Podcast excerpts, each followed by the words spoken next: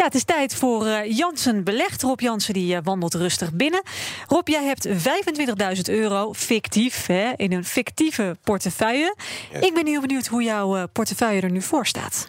Nou, um, vorige week uh, zo rond de 9%. En daar is wel wat uh, van afgegaan. De uh, beurs heeft ook niet stilgestaan, is de verkeerde kant op gegaan. Maar met een rendement van 5,4% denk dat ik er niet ontevreden mee hoef te zijn. Als je kijkt naar de stijgers, hè, nog steeds is Tesla met uh, 76,2 procent absoluut uh, de topper in de portefeuille.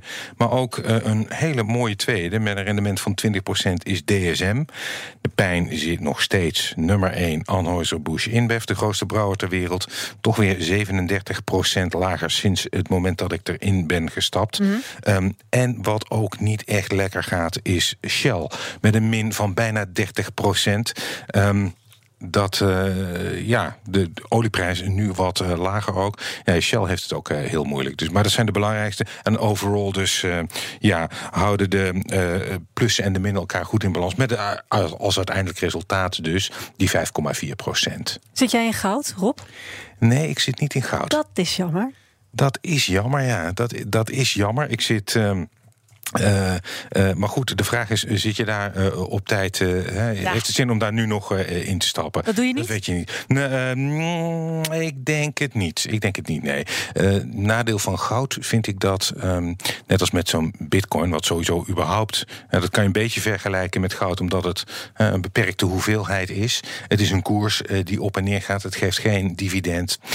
dat geldt met goud ook. Maar goed, voor goud is het bekende verhaal, het is een vluchthaven. Ja. Het is nou veilig. De koers gaat. Uh, het kan, het kan fluctueert. Ook zo, maar. Ja, alles fluctueert. Maar over het algemeen worden uh, edelmetalen wel als uh, riskanter gezien als belegging dan bijvoorbeeld beleggen in de degelijke bedrijven of dus natuurlijk als staatsobligaties. Maar goed, die geven op dit moment natuurlijk zo goed als geen rendement. Nee. Um, maar goud staat nog niet hoog op mijn lijstje.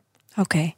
Um, nog even over Tesla. Ja. Daar zit je in. Dat ja. gaat dus hartstikke goed. Je zou ja. kunnen zeggen: uitstappen. Ja, dat doe ik nog niet. En daarmee sla ik een advies in de wind van Nico Inberg van IEX.nl. Die was afgelopen vrijdag te gast in Beurswatch. En hij vindt de koers van Tesla buiten alle proporties. Ze komen in de S&P waarschijnlijk, dus er zat heel veel fantasie in. Maar ik denk dat zo, zo langzamerhand toch een beetje het gezonde verstand terugkeert. En dat het terug moet naar een koers in ieder geval onder de 1000 dollar. En er staat nu geloof ik 14, 1500. Ja, komt van 1800 en, en dat, is, dat is waanzin. Ja, waanzin uh, vindt hij. Daar is wat voor te zeggen. Maar goed, zolang ik nog geen correctie zie van het aandeel, hou ik het toch nog uh, even vast. Oh, jij luistert goed naar je gasten. Uh, nou, kijk, ik bepaal wel mijn eigen beleid, inderdaad. Maar goed, kijk, ik snap zijn punt wel. Hè. Die waardering is astronomisch. Het bedrijf is nou 262 miljard dollar waard.